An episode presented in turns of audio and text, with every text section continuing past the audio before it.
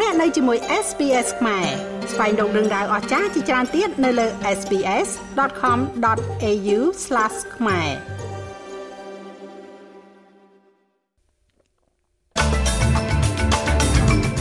លោកនាយករដ្ឋមន្ត្រីកំណត់ការបរិច្ឆេទសម្រាប់ការបោះឆ្នោតប្រជាមតិសម្លេងជនជាតិដើមទៅកាន់សភានៅថ្ងៃទី14ខែតុលា មានការអំពាវនាវឲ្យមានការកែលម្អនិងរក្សាលទ្ធភាពទទួលបាននូវការថែទាំផ្នែកសម្ភពដោយសវត្ថភាពនៅតាមទីជនបទដាច់ស្រយាលរដ្ឋាភិបាលបានប្រកាសផ្តល់ជំនួយហិរញ្ញវត្ថុថ្មីសម្រាប់យុវជនដែលផ្តល់ការមើលថែទាំដល់សមាជិកក្រុមគ្រួសារ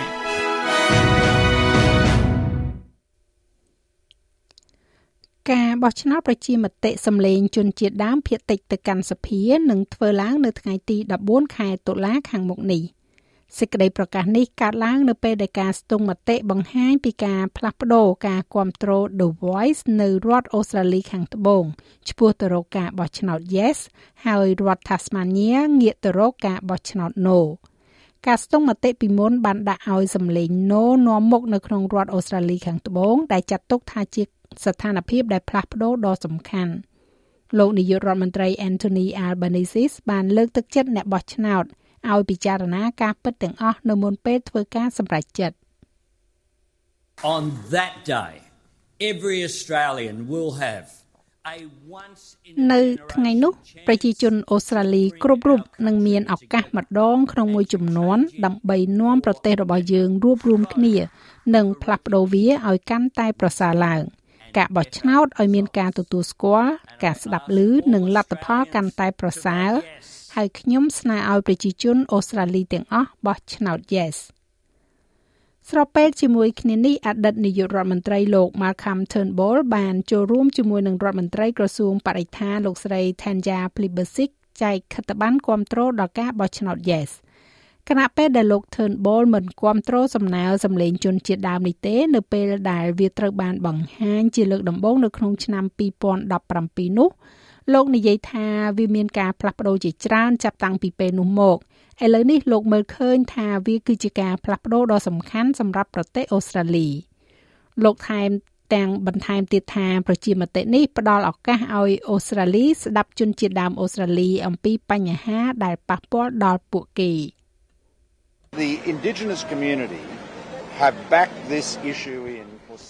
សហគមន៍ជនជាតិដើមភាគតិចបានដោះស្រាយបញ្ហានេះក្នុងរយៈពេល6ឆ្នាំមកហើយហើយពួកគេបានអះអាងថាពួកគេបាននិយាយថានេះគឺជាអ្វីដែលយើងចង់បានសម្រាប់ការទទួលស្គាល់នៅក្នុងរដ្ឋធម្មនុញ្ញរបស់យើង ហើយប្រសិនបើយើងកំពុងនិយាយអំពីការទទួលស្គាល់ជនជាតិដើមអូស្ត្រាលីនៅក្នុងរដ្ឋធម្មនុញ្ញរបស់យើងនោះ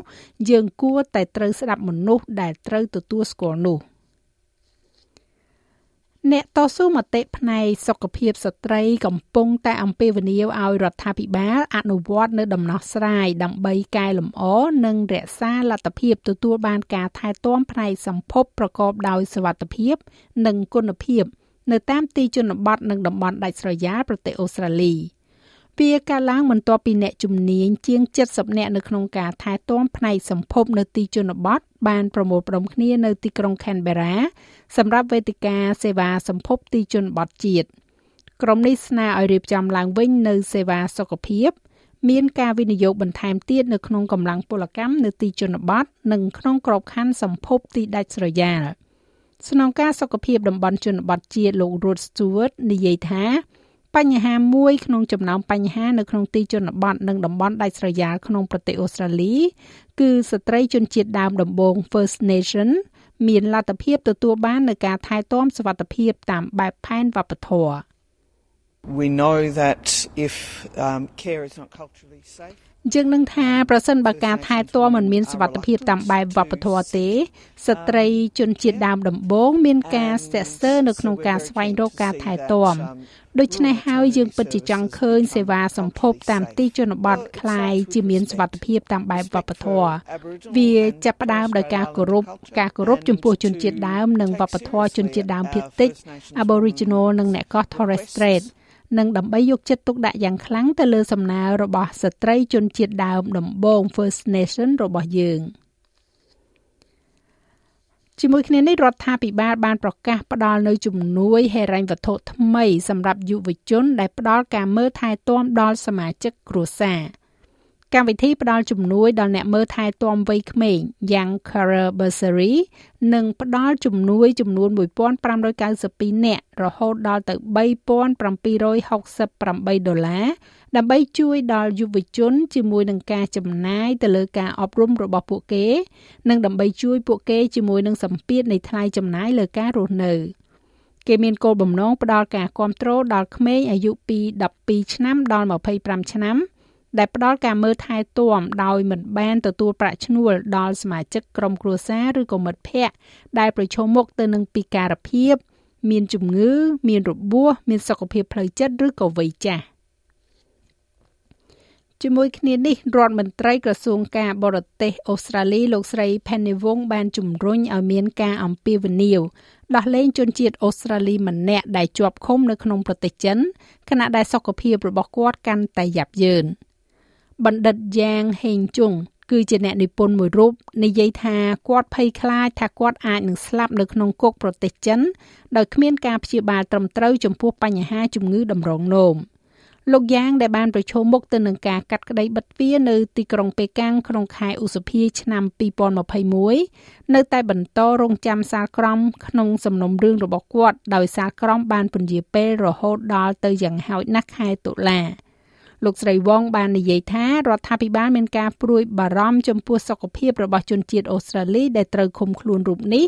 ដោយគាត់ត្រូវបានគេប្រាប់ថាគាត់មានជំងឺ មានដុំគិះធំនៅលើតម្រងនោមរបស់គាត់។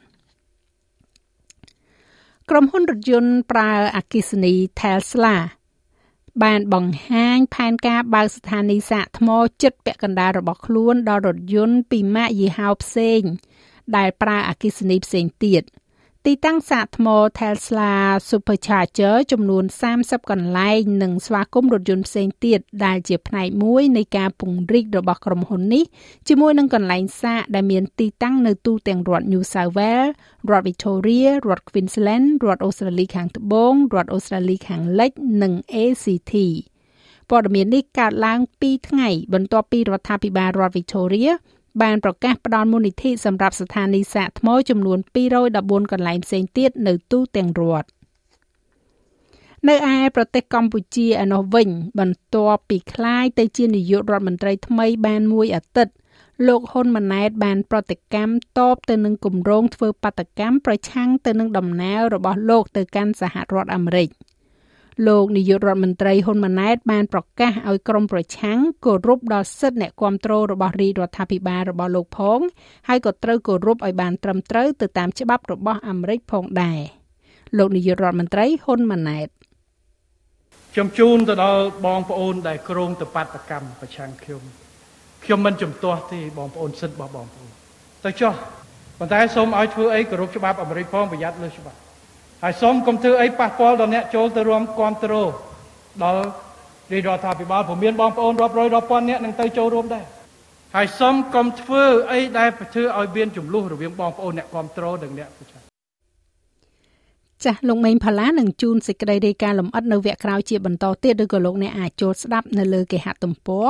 sps.com.au/ ខ្មែរ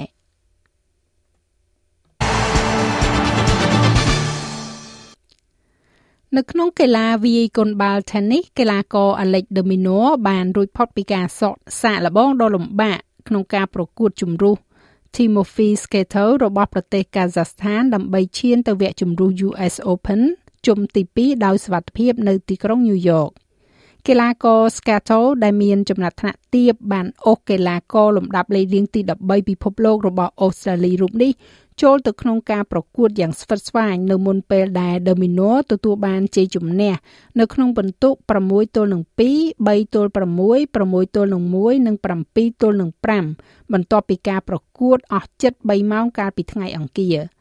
កីឡាករដែលចូលដល់វគ្គ1ភាគ4ផ្ដាច់ព្រាត់ក្នុងឆ្នាំ2022 Domino បន្ទាប់ពីនេះនឹងត្រូវប្រកួតជាមួយនឹង បើមិនជាកីឡាករពិភពលោកលេខ52 Dusan Lajovic របស់ Serbia ទេ គឺជាកីឡាករលេខ86របស់ពិភពលោក Jim Bingwu នៅថ្ងៃសុក្រចំណែកឯអត្រាប្តូរប្រាក់វិញ1ដុល្លារអូស្ត្រាលីមានតម្លៃប្រមាណជា64សេនកន្លះដុល្លារអាមេរិកត្រូវនឹង2680រៀលប្រាក់រៀលខ្មែរ យើងក៏លេខមកមើលការព្យាករណ៍អាកាសធាតុសម្រាប់ថ្ងៃប្រហ័សស្អែកនេះវិញ នៅទីក្រុងផឺតបើកថ្ងៃ28អង្សា មានពពកនៅអាដាលេដ16អង្សា ទីក្រុងមែលប៊នរលឹមបន្តិចបន្តួច16អង្សា ដូចគ្នានៅហូបាត15អង្សា Canberra មានពពកដោយពេល17អង្សាទីក្រុង Sydney រលឹមបន្តិចបន្តួច19អង្សា នៅ Brisbane មានអាចនឹងមានព្យុះ27អង្សា បើកថ្ងៃនៅ Cairns 29អង្សា បើកថ្ងៃដូចគ្នានៅ Darwin 34អង្សា និងនៅទីក្រុងភ្នំពេញ មានផ្គររលឹម32អង្សា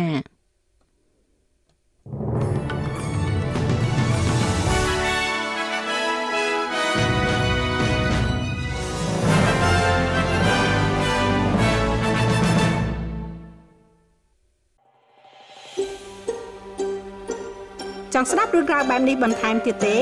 ស្ដាប់នៅលើ Apple Podcast Google Podcast Spotify ឬកម្មវិធីដទៃទៀតដែលលោកអ្នកមាន។